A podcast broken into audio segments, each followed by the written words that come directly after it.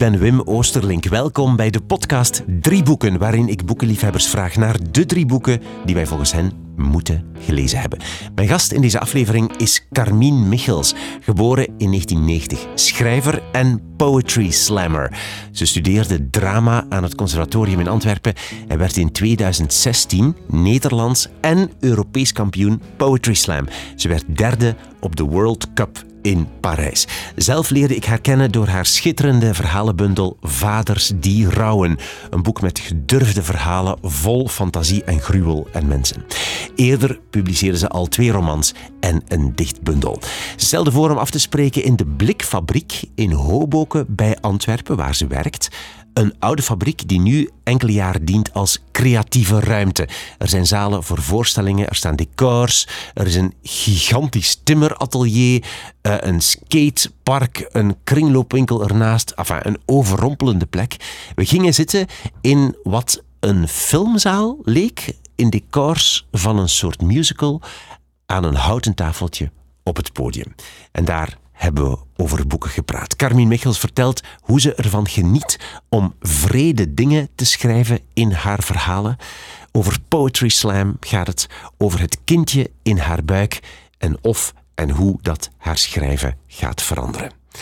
Alle boeken en auteurs die je hoort in deze aflevering vind je in een lijst op de website wimoosterlink.be onder het kopje podcast drie boeken. Dat zijn de show notes bij deze aflevering. En dan nu veel luisterplezier met de drie boeken die je moet gelezen hebben, volgens Carmien Michels. Uh, we zitten hier in de Les Miserables zaal van de Blikfabriek.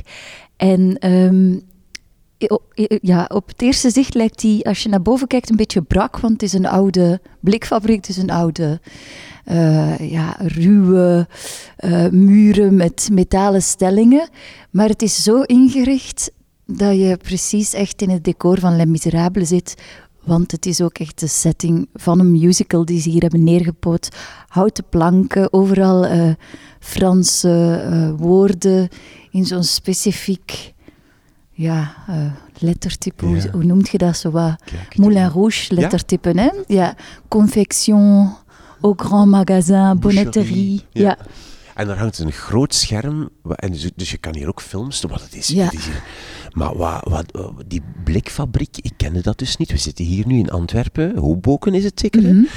Maar wat, wat, wat, is dat? Wat doe jij hier dan? Wat is dit? Ja, wij hebben een werkplaats voor literaire makers. En we zochten lange tijd naar een plek die zo'n beetje grunge is, of, of nog niet af. Um, en de blikfabriek is daar wel ideaal voor. Hier gebeurt heel veel. Um, en wij zitten daar uh, verderop in eigenlijk een oude kantoorruimte. Die is betrekkelijk saai tegenover al het andere. Maar we hebben daar verwarming en internet enzovoort. Zitten daar met twaalf podcastmakers, theatermakers, romanciers, dichters. Um, maar op andere plekken in de blikfabriek heb je dan ja, een klimparcours of een voetbalveld of een timmerwerf enzovoort. En kunstwerken zie, zag ik ook staan. Overal. En zo van ja. die in, nog speciaal ingerichte zalen. Met, of en dan een, een binnentuin met water. En echt, het is indrukwekkend. En visjes. Ja, visjes zelfs. Ja. Fantastisch. Maar dat moet leuk zijn om hier, te, om hier zo te... En jij, um, al, jij werkt hier, je hebt een soort coördinerende functie ook, of moet je me dat voorstellen? Ja, ik ben curator, dus ik heb niet de administratieve last, gelukkig.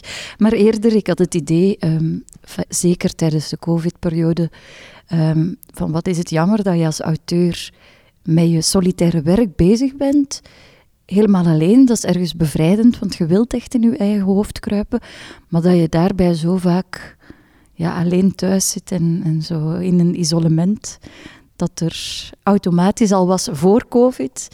Um, maar tijdens de, de lockdowns dacht ik, het zou wel fijn zijn als je eigenlijk in gezelschap van andere uh, collega's aan je eigen ding kan werken. Dus dat we niet gaan samen schrijven, dat mag, hè, maar uh, dat je gewoon echt je eigen project hebt en dat je uh, af en toe kan vragen hoe zit dat? Hoe werkt jij met plotstructuren of, ja, ja, ja. Of uh, uw KVR of uw factuur? Hoe regelt je dat? ja, het is ook soms zo hoor. Het is ook soms praktisch, inderdaad. Jij bent zelf um, schrijfster, ook poetry slammer. Doe je dat nog, poetry slam? Niet zoveel meer. Um, of, of niet eigenlijk op dit moment. Je bent als Europees kampioen geweest, Ja, hè? en dat was in 2016. En daarna heb ik heel veel opgetreden met ehm, die slamteksten. Maar ik merkte dat er, er kwam ook een hele nieuwe generatie jonge slammers aan. En ik was toen echt nog maar eh 26, maar ik merkte toch van het is tijd voor iets nieuws. Zowel voor de scene als voor mij. Dus eh, dan ben ik, eh, heb ik mij verdiept in een verhalenbundel. En in muziektheater heb ik toen ook nog gedaan. Dus ik vind het wel fijn om alles uit die slam mee te nemen. En ook dat, dat maatschappijkritische enerzijds, maar ook die, die ritmiek. En ik heb er heel veel vrienden nog van. Het is niet dat ik eh, ervan weg ben of zo, maar... eh, Als je zegt Ja. van ritmiek, wat, hoe moet ik mij dat... Want ik, ik, ik heb dat al zoveel mensen... Ik snap eigenlijk nog niet helemaal goed wat het verschil is tussen bijvoorbeeld slam poetry, Mhm. dat betekent dus dat je, eh, je je gedichten op het podium brengt, of je teksten, en wat wij vroeger voordracht noem- Ah, ja. noemden. Wat, wat is dat, is dat, wat is dat? Is het verschil eigenlijk? Ja, er is een klein verschil. Eh, voordracht of woordkunst is vaak ook met teksten van andere mensen. Ehm, en slam, slam poetry eh, is echt ontstaan vanuit ja, de onderbuik van vele mensen die iets te vertellen hadden en vaak hun verhaal niet kwijt konden in de traditionele poëzie of op theater.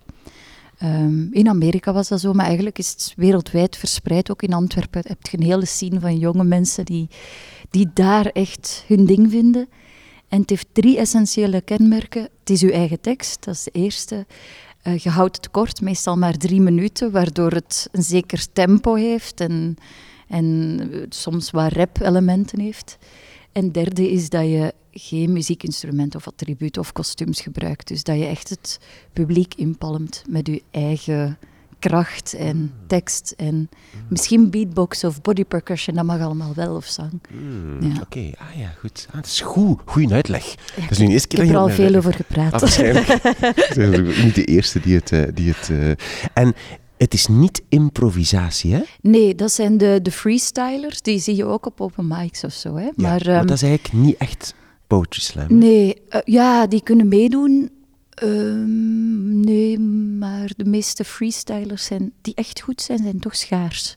Het zijn mensen die daar jarenlang in getraind zijn en dan gooit het publiek woorden naar hen en dan beginnen ze daarvan uit te rappen of gewoon een grap te vertellen of zo.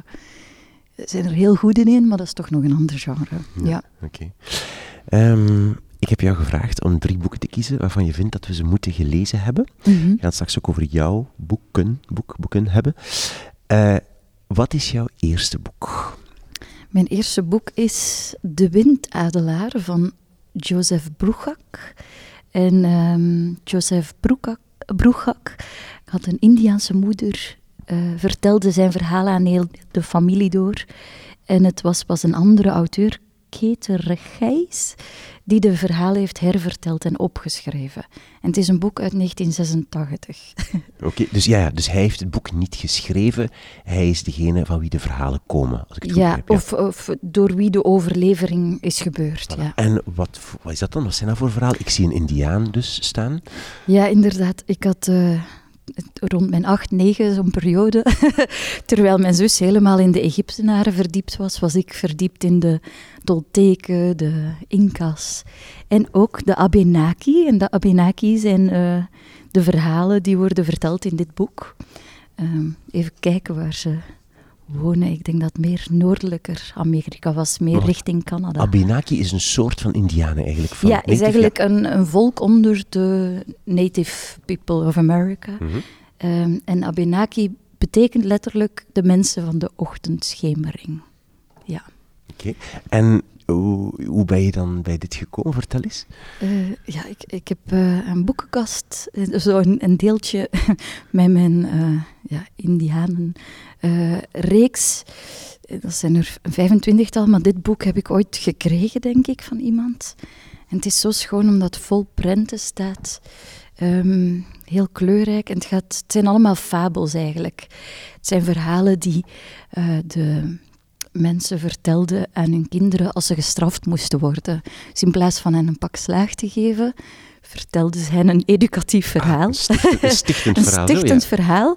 Ehm, en het fijne aan deze verhalen is dat eigenlijk het hoofdpersonage is best ehm, arrogant. Gloeskabi is dat. Die wordt ehm, geboren, die schept zichzelf uit het stof van ehm, de oppergod. En daardoor is de oppergod dan ook heel verbaasd. En hij wil die eerst eigenlijk de loef afsteken. Dus Gloeskabi komt eigenlijk elke keer opnieuw ten val. En zijn grootmoeder Bosmarmot weet het altijd veel beter dan hem.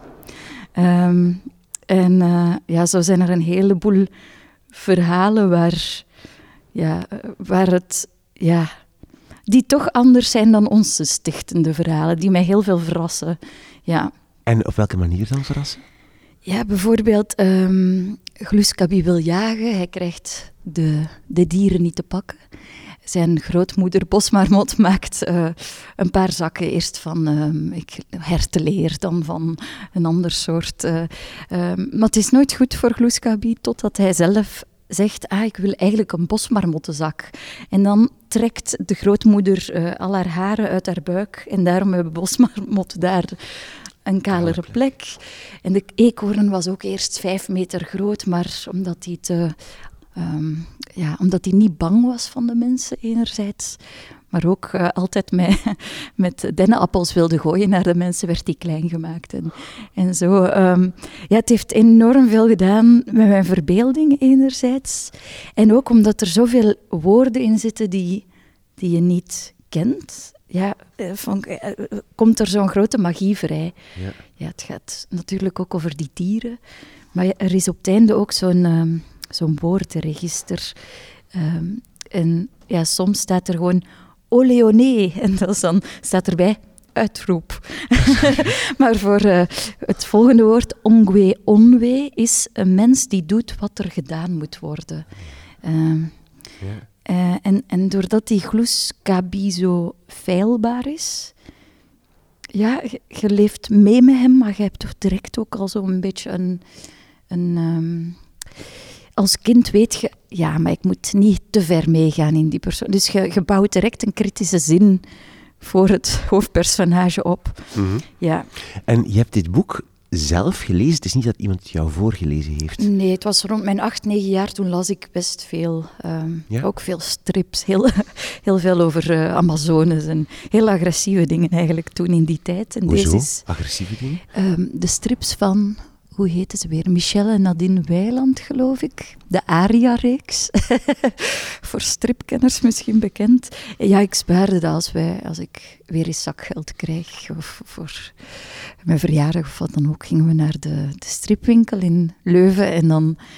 Um, mijn ouders keken er nooit op toe wat wij kozen. En ik koos altijd zo uh, Amazonestrips. Het waren schaars geklede uh, vrouwen. Aria is een vrouw die alle mannen op haar pad die het haar moeilijk maakte, um, ja, afslachten. ik zocht nog het juiste woord, afslachten. ja, en ik, uh, ik haalde daar eigenlijk veel kracht en genot uit. Ja, enerzijds genot omdat het geweld um, dus niet werkelijk was en daardoor bevattelijk en, en ja, in een een context uh, genietbaar was.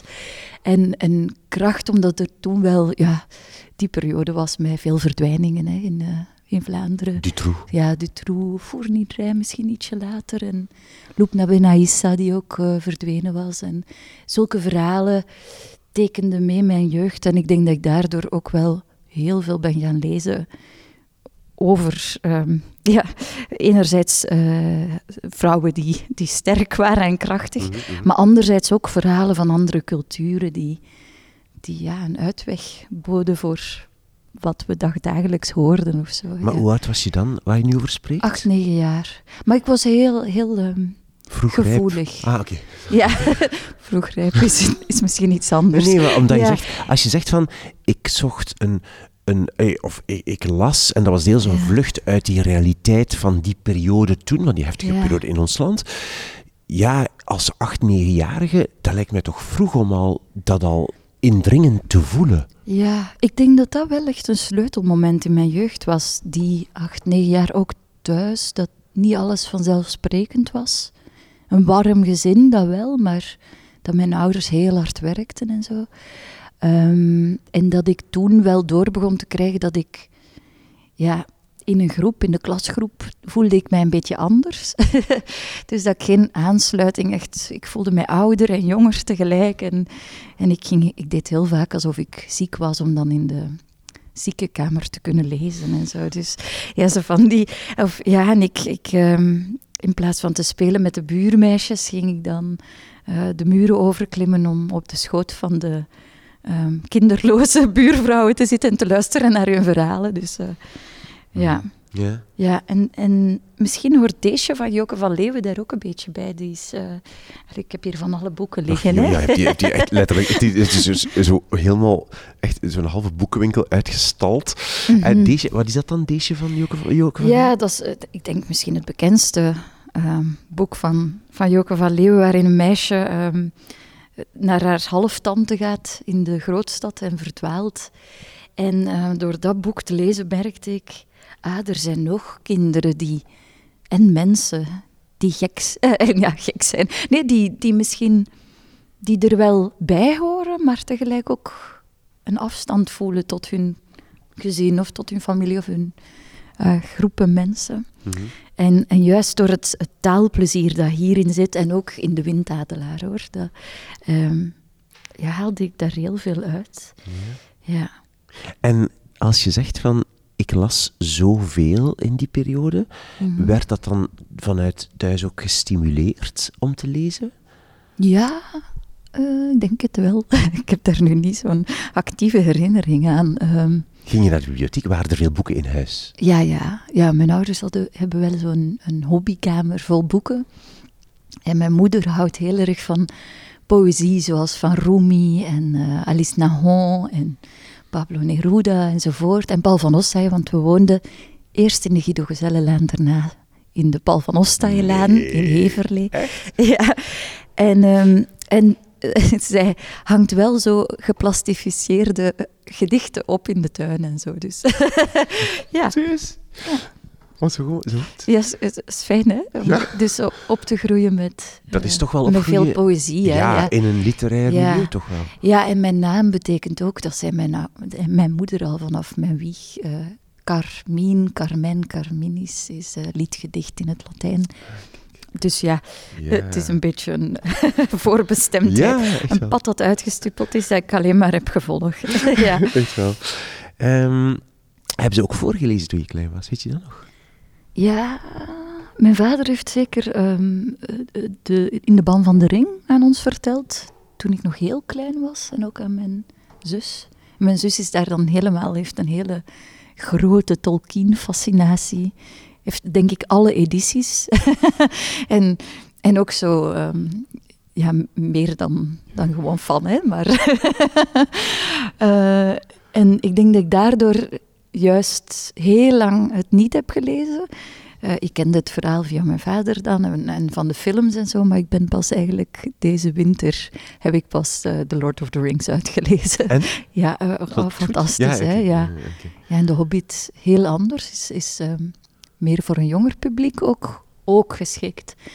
Terwijl The Lord of the Rings daarin eh heb je zo die grauwheid van die, ja, die dreigende doem en oorlog die eraan zit te komen. En toch fonkelt er heel de tijd iets door de elfen, door de liederen, door de rijmpjes. Mhm, mhm. Ja, ja dat vind ik zo belangrijk aan boeken. Dat er, allee, ook zoals bij Joke van Leeuwen, dat er, daar zit best veel grauwheid in zo'n kinderboek. Hè. Zij, haar personages zijn niet voor de hand liggend. Het zijn ook soms eh, hebben het, zijn wat in armoedige sferen ehm, of wat outcasts. Maar tegelijk zit er dan zo een heel pri- eh, pril geluk in, in wat ze op de televisie zien, wat dan uit het televisiescherm stapt, of, Mhm. of woordenspelletjes of zo. Ja. Oké. Zijn er nog boeken die je aan, die aan dit boek wil hangen? Aan de Windadelaar ehm, heb ik eigenlijk nog van Rebecca de Wit afhankelijkheidsverklaring mee. Eh, zij is eigenlijk een studiegenoot van mij, heeft ook woordkunst gestudeerd, maar een paar jaar hoger dan ik. En eh, ja, achteraan in haar boek heeft ze ook allemaal woorden opgenomen die verzonnen zijn. Eh, dat is ander, anders dan bij de Abenaki, want dat zijn woorden uit de taal, maar ehm, reductio ad bellum, het punt in een gesprek waarin iemand als oplossing voor de wereld een oorlog voorstelt. En dan het volgende is reductio ad bellum solitudinem, de eenzaamheid waarmee je achterblijft nadat iemand heeft voorgesteld dat een oorlog het beste is voor de wereld. Een eenzaamheid die versterkt wordt door het vermoeden dat de persoon in kwestie niet in de frontlinies zal gaan staan voor die oorlog, die zo goed is voor de wereld.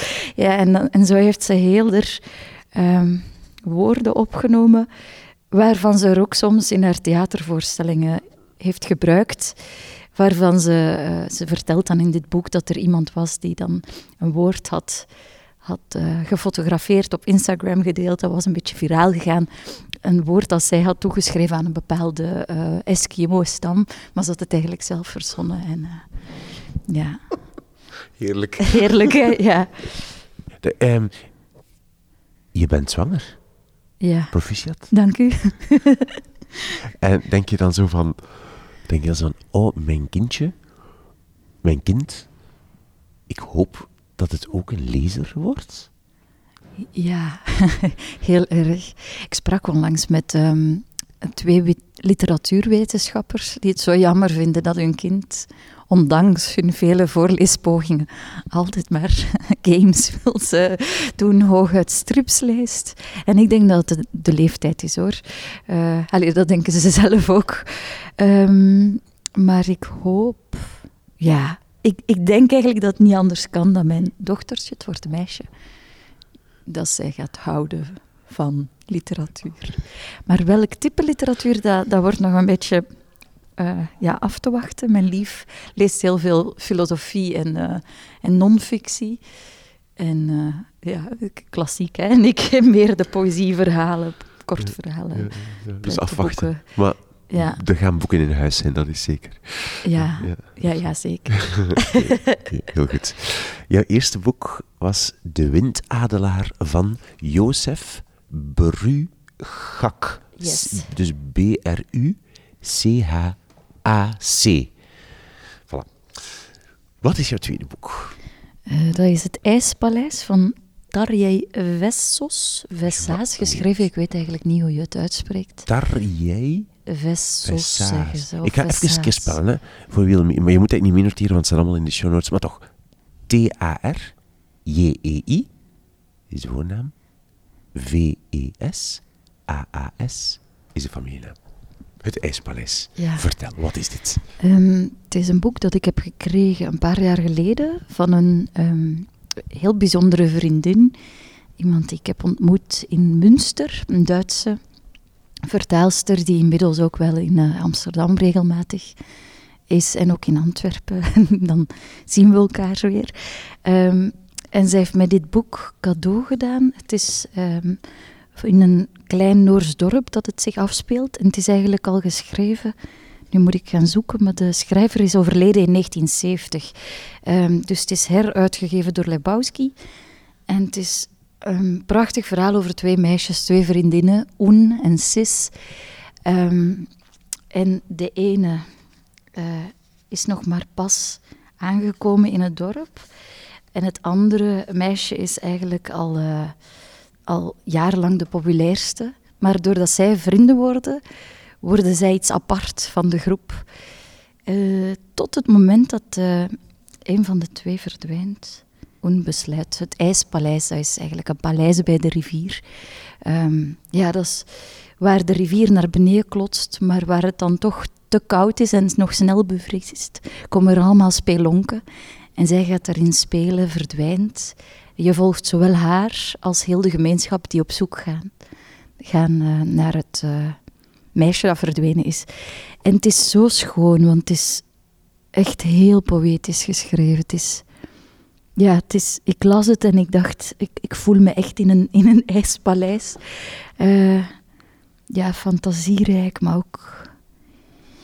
Je, je voelt dat je heel de tijd iets niet kunt grijpen aan het boek. En dat is zo, ja, zo bijzonder. Ja, dus dat het binnenkomt, ja. maar dat... Het staat er niet, maar het zit er, het zit er tussen te fonkelen, zoiets. Ja. Ja, ja, ja. En die vriendin heeft hij verteld waarom, ze, waarom jij het moest lezen? Ah nee, die stuurt mij af en toe pakketjes op en dan weet ik nooit waarvoor het is. Of, nee, ja, we, communiceren wel hoor, via WhatsApp en zo. Uh, en waarom is het dan zo'n speciale vriendin of zo? Allee, ik zoek een beetje de link met... Uh... Ah ja, ja. Ja, het gaat over um, twee vriendinnen die een heel intense vriendschap aangaan. En ik denk dat dat bij mij en Anna, zo heet ze, um, ook wel is dat ik heel lang um, wel vriendengroep heb gehad en vriendinnen, maar nooit tot het moment dat ik Anna ontmoette zo'n eindeloze liefde en generositeit voor een vriend of vriendin voelde. En door haar te, te leren kennen en, en haar generositeit en, en ja, ze is een bijzondere eh, karakter, door haar eigenlijk uh, te ervaren, merk ik dat ik ook meer open ben gaan staan naar, naar andere vrienden toe en dat ik, dat ik misschien het, het kleine concurrentiële dat ik vanaf mijn jeugd met mijn zus had of zo. Wat jammer is hè, dat dat erin sluipt, maar ja, dat je, dat je dat dan verder werkt, verder zet in, in vriendschappen, dat ik dat kon afwerpen. Omdat er iemand was die mij de kans gaf. Gewoon te zien dat het allemaal heel genereus en, en gul kon zijn of zo. Ja. Maar ze heeft het boek niet aan jou laten lezen omdat het ook over twee vriendinnen gaat. Oh, dat denk ik niet. Nee, zij is wel, uh, zij vertaalt uit het Duits en uit het Noors en ze stuurt mij af en toe boeken waarvan ze denkt dat het voor mij mhm. ja, dat inspirerend gaat zijn. En, uh, en ook Max Porter van um, Verdriet is het ding met veren, dat zo prachtig is, heeft er uh, ja, over gezegd: Ik ben verbaasd dat dit niet het beroemdste boek ter wereld is. Dus dat zegt toch wel wat. ja. De, wat is Max Porter zegt dat over dit boek? Ja, zegt dat over dit boek. Ja. Ja. Dat is wel een, een tamelijk compliment. Ja, ja, ja. maar het, ja, als je het leest, het heeft mij ook echt um, bevrijd als schrijver, omdat ik op dat moment, denk ik, een beetje meer um, uh, structureel aan het schrijven was. Dus niet helemaal vanuit mijn hart. Ik merkte dat ik, uh, dat ik een beetje planmatig de dingen aanpakte. En dat ik zo de muziek in mijn, in mijn teksten op dat moment even kwijt was. En door dit te lezen, dat is zo organisch en intuïtief en wilt helemaal niet slim doen. En uh, dus... Uh, je had je het gevoel van, ik wou slim doen. Ja, soms, soms is dat een periode hè, dat, je, dat je denkt, ik, ik moet serieus, uh, serieuzere dingen schrijven en intellectueler. En, en, en, en, en, als je daar dan vanaf bent, hè, ja. wat, hoe, hoe zijn jouw teksten dan anders als het wel orgaan? Hoe kunnen wij als lezer zien van, ah ja, maar ja, kijk, dit is wel vanuit jouw buik, als ik het woord Ja, uh, ik denk dat je het vooral voelt. Ik, ja, ik heb, er zijn eh, bijvoorbeeld in, mijn laatste verhalenbundel is er een scène waarin een meisje sterft, een klein meisje, dochtertje van het hoofdpersonage. En ik heb dat zo lang uitgesteld, omdat ik dat zo pijnlijk vond om dat uit te schrijven. En ik schreef daar helemaal omheen. En toen ik mij dan een week had afgezonderd in Nederland om die scène uit te werken, heb ik gewoon heel de tijd tijdens het schrijven door liggen blijten. Omdat, maar dat is, dat is niet per se dat dat dan mijn verdriet is, maar gewoon de inleving en de, de grootsheid van, van het verlies van mensen om wie je zo hard geeft, komt dan heel erg binnen. En ik denk dat je dat als, als, als lezer wel voelt. Ja. ja.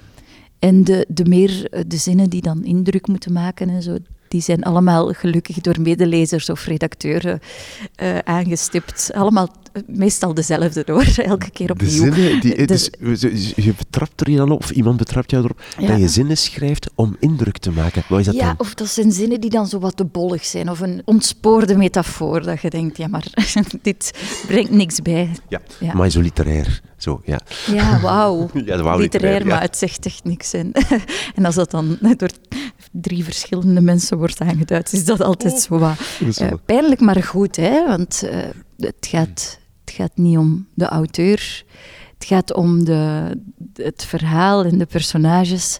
En dat is wat ik bij dit boek... Het, is zo schoon en, en als ik dan verder ga kijken waarom het, waarom het zo schoon is, dan is dat omdat de um, auteur niet op de voorgrond uh, treedt met een programma. het ego is, is weggehaald. Het gaat puur en alleen over de, de diepe inleving in twee meisjes. Ja. Je voelt niet dat een man die twee meisjes heeft neergezet. Mhm. Wat je wel voelt bij autofictie tegenwoordig, daar is de auteur heel erg aanwezig, maar ook bij niet zo goed geschreven boeken, Maar, maar waarbij een vrouwelijk personage bijvoorbeeld eh, vanuit een, een mannelijke, de male gaze wordt beschreven. En, en dat heb ik eigenlijk ook bij die Windadelaar, dat eerste boek dat je... ehm, dat, dat grootmoeder Bosmarmot en Gloeskabi en iedereen op eenzelfde eh, ja, punt vertrekt.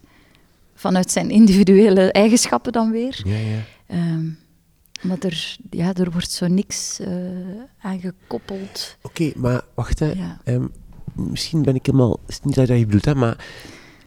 Is dat dan voor jou een soort toch deeltelijke verwerping van, wat je, van autofictie, wat, wat nu echt werkelijk gewoon het, het enige genre is dat ongeveer nog bestaat? Laat ons eerlijk zijn.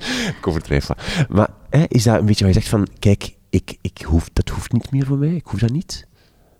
Nee, ik lees het ook hoor. En ik lees ook literaire essays geschreven waarin, eh, zoals Waagstukken van Charlotte van den Broek, waarin zij heel aanwezig is. Ja? Maar dat is dan, ja, dat is dan ook de gekozen vorm.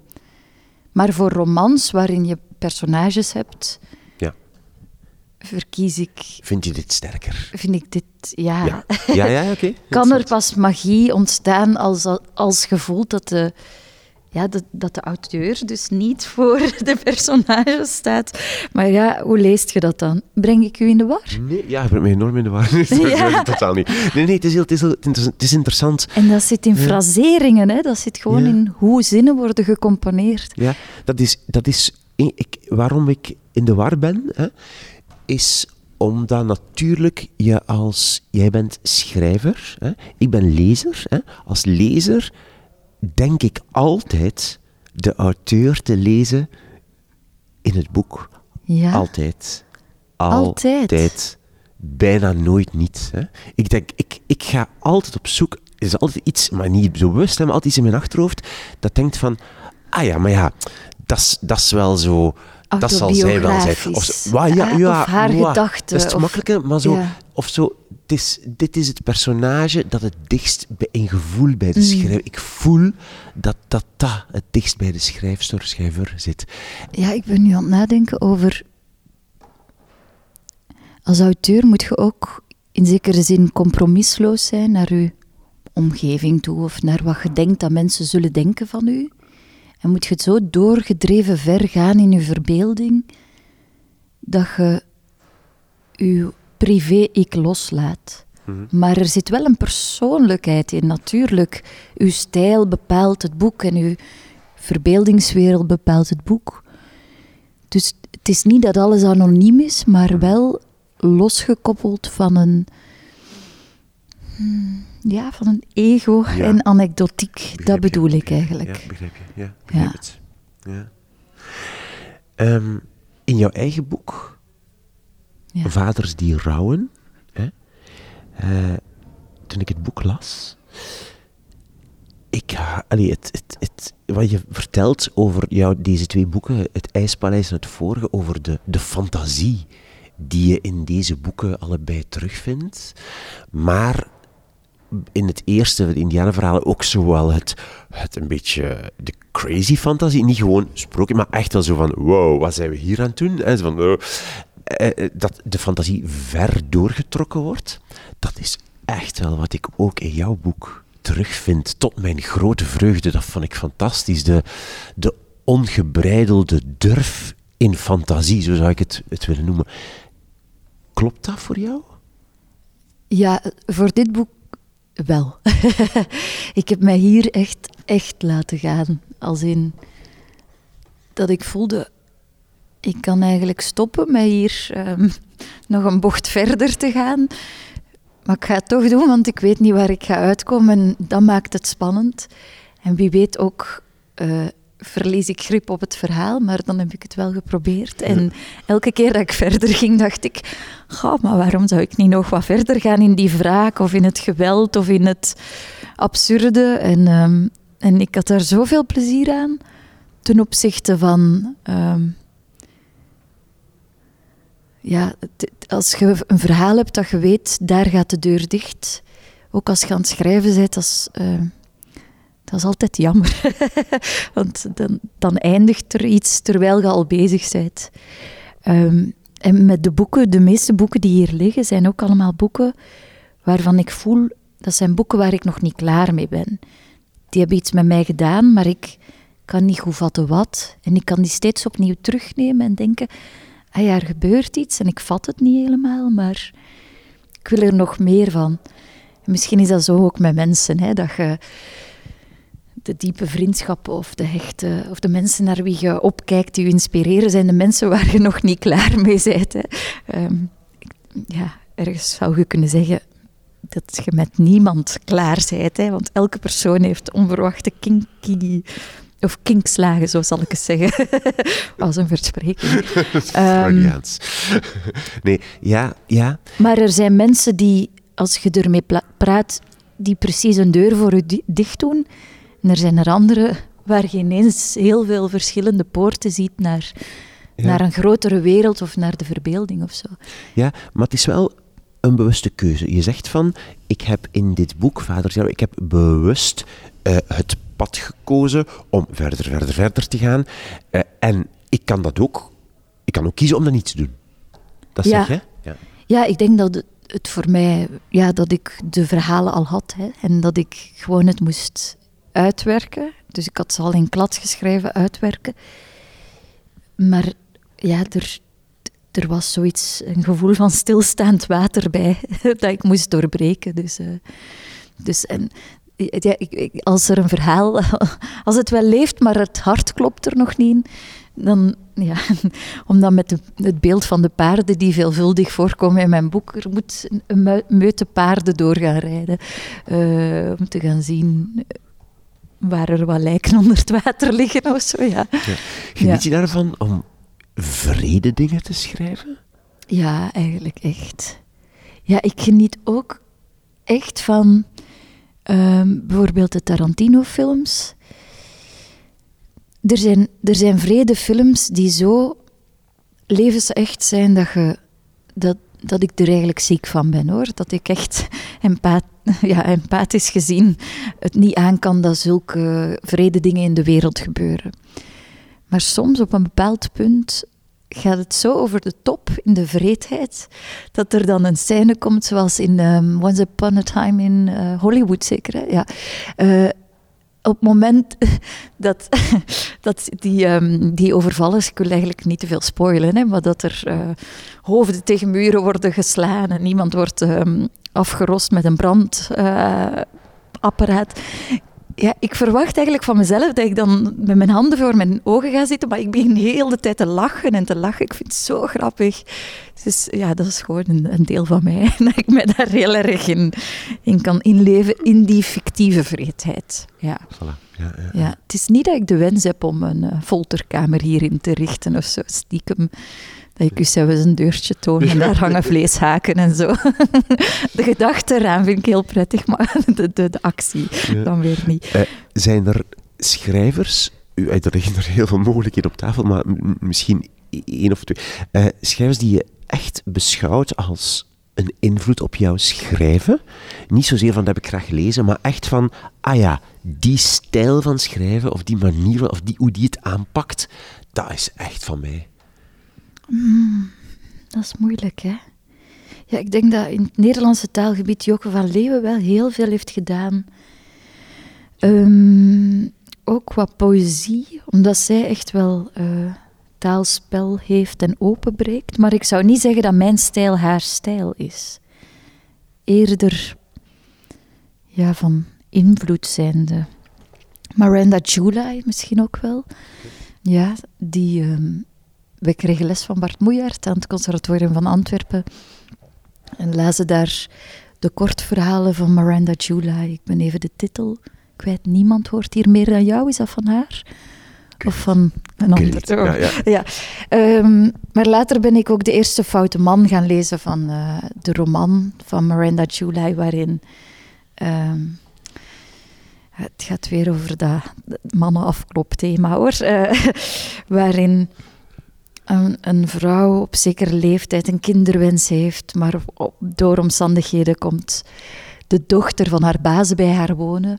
Uh, en die is heel agressief naar haar. En samen kijken ze zelfverdedigingsvideo's, uh, want zij, ze werkt bij zo'n organisatie die zelfverdediging organiseert.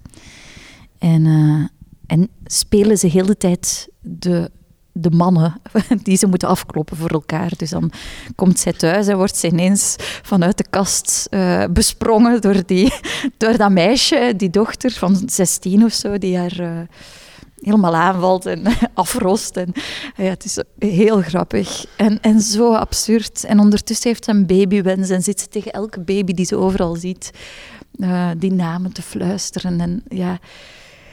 Uh, ik denk dat zij mij wel echt heeft geïnspireerd in uh, craziness toelaten. En ook qua stijl uitgepuurd uh, te werk gaan.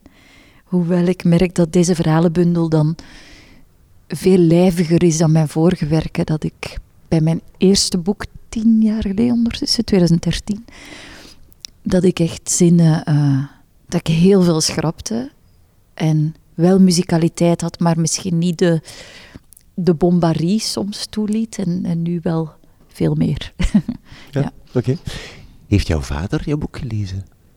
Uh, ja, ja, zeker.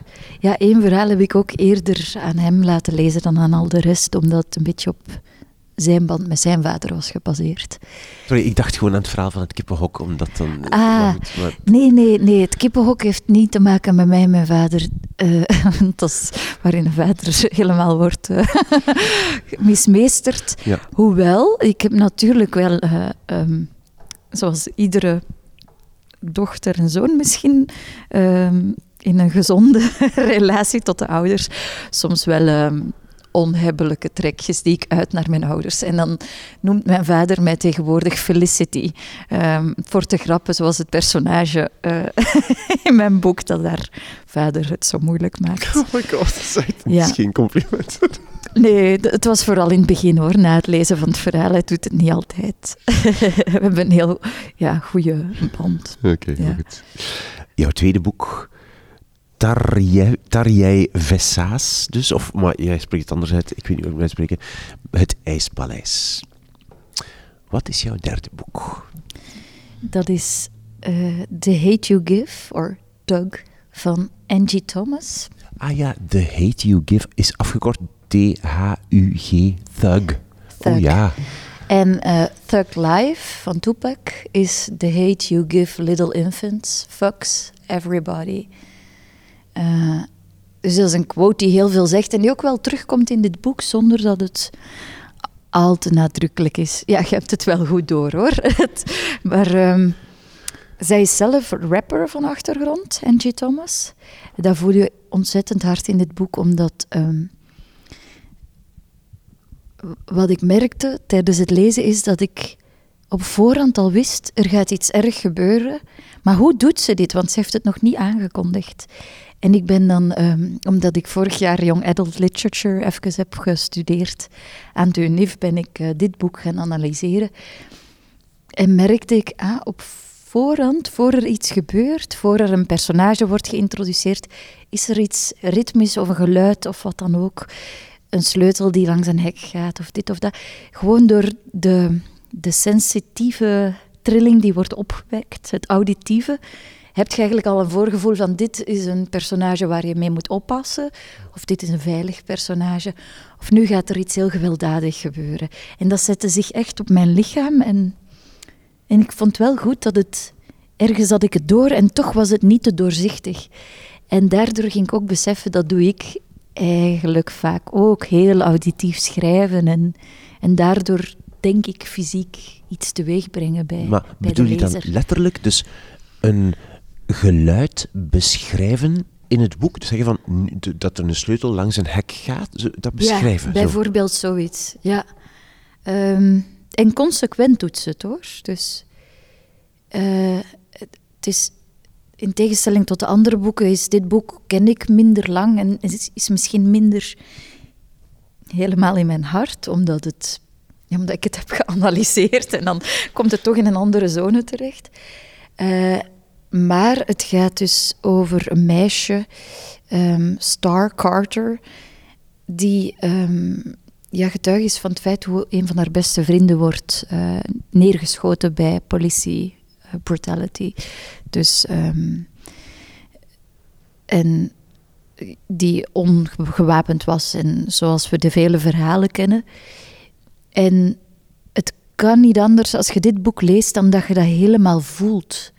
Dus je hoeft eigenlijk niet op te groeien in die omgeving of in Amerika of, of het nieuws te kennen om dit helemaal te doorvoelen en dat onrecht uh, te ervaren en alle fricties. Ja, dus dat vind ik er enorm knap aan. Maar ook stilistisch, hè, dus dat, dat, dat ze dat zo weet, weet op te schrijven.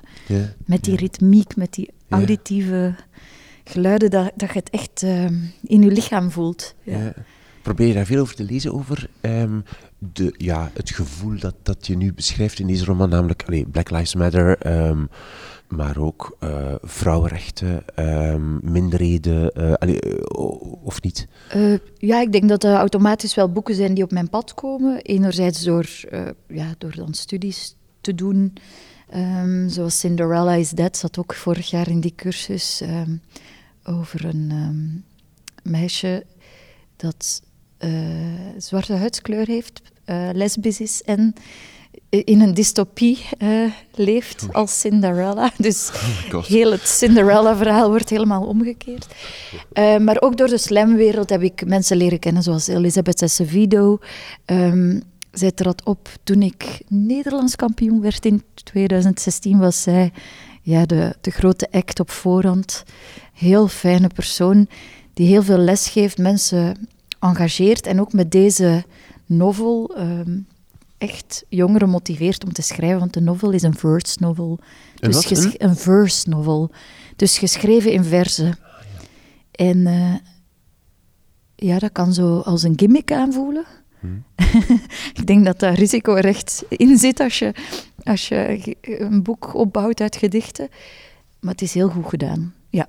Dus, uh... Oké, goed. Uh, is dat nu een adult, young adult novel of niet, die uh, The Hate You Give? Ja, dat is jong. Ah. Of ja, ja, dat wordt beschouwd als young adult. Ah ja, want je hebt, gevolgd, je hebt gekregen, je hebt geanalyseerd voor de cursus young adult. Ja, ja inderdaad. En waarom heb je die cursus gevolgd? Omdat je graag een young adult wil schrijven? Nee, ja, misschien. Nee, het was gewoon iets waar, waar, ik nog niet zoveel van af wist. Ik heb ook een, een cursus Shakespeare uh, bij Frank Albers gevolgd. En Young Adult was dan bij Vanessa Joosen. En um, ja, dat, waren, dat zijn docenten die mij ook aanspreken. Ja, ja. Omdat ze zo'n rijke literatuurkennis hebben. En, uh, het zijn ook verschillende aspecten van, het literair, van de literaire wereld, zo natuurlijk ook. Ja, ja en ik, uh, ik heb al wel een gedichtenbundel geschreven en een verhalenbundel en twee romans. Niet dat ik daar al klaar mee ben hoor. Ik, heb, ik ben nog aan het begin ervan, maar ik wil eigenlijk altijd nieuwe genres ontdekken om om dan de andere genres mee te bevlekken. Ja. Heb je dan het gevoel van, er zit nog van alles klaar, er moet nog van alles uit, als je qua schrijven? Ja, hmm, moeilijk. Of vraag stellen, of, andere mogelijkheid, eh, ik ben nu schrijfster, dus ik doe dat nu, ik ga nu professioneel doen, dus ik moet een boek maken, waar zal ik eens over schrijven?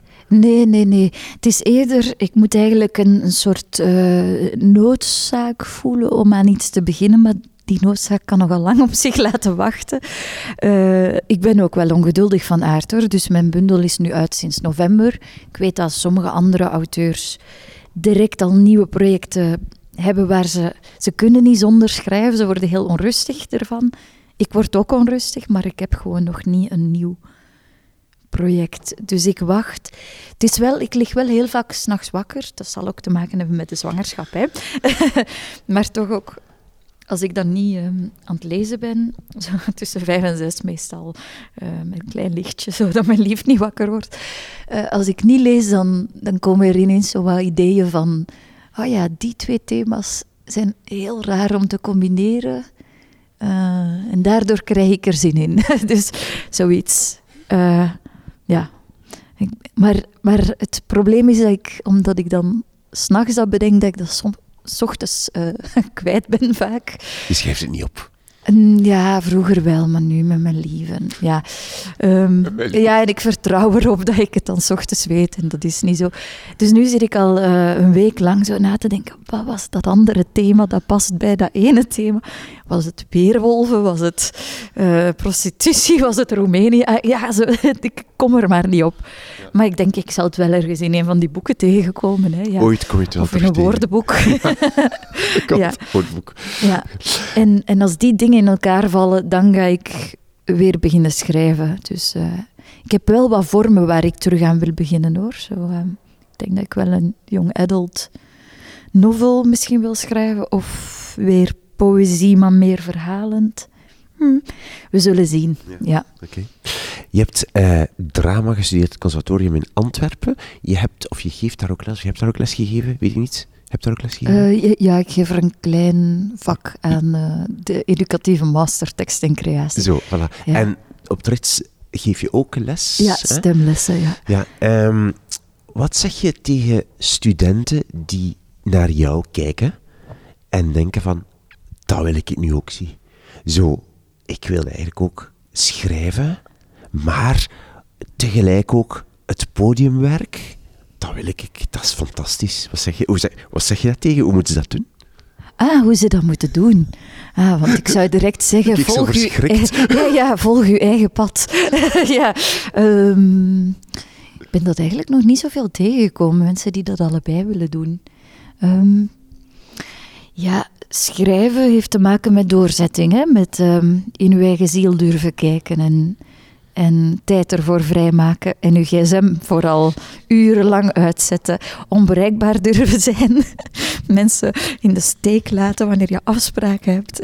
Um, maar, uh, en veel lezen, dus dat is dat, deel.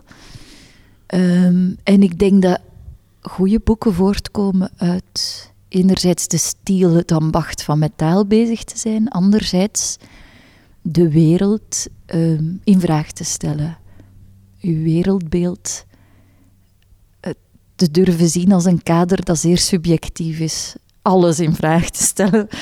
Um, uh, ja, en misschien voor op podium te staan is dat ook nodig.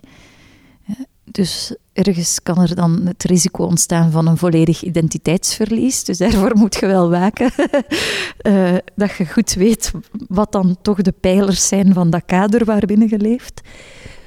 Maar als je op het podium staat, gaat het vooral toch, net als bij schrijven, over in het moment, hier en nu, wat zich aandient, oprecht. Focus.